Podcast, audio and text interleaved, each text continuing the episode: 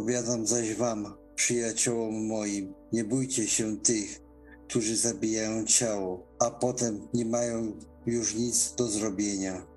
Ale wskażę wam tego, kogo się bać macie.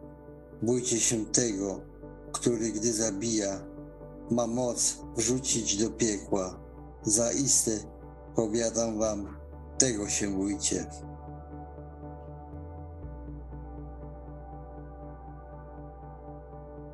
Końcu, bracia moi, umacniajcie się w Panu i w potężnej mocy Jego.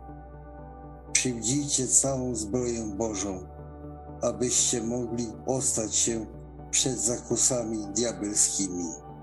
Dlatego weźcie całą zbroję Bożą, abyście mogli stawić opór w dniu złym i dokonawszy wszystkiego, ostać się.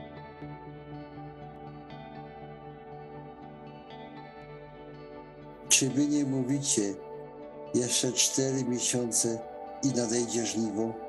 Otóż mówię wam, podnieście oczy swoje i spójrzcie na pola, że już są dojrzałe do żniwa.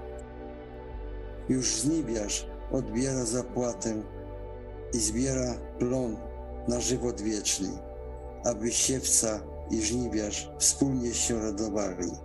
W tym właśnie sprawdza się przysłowie inny sieje, a inny zżnie.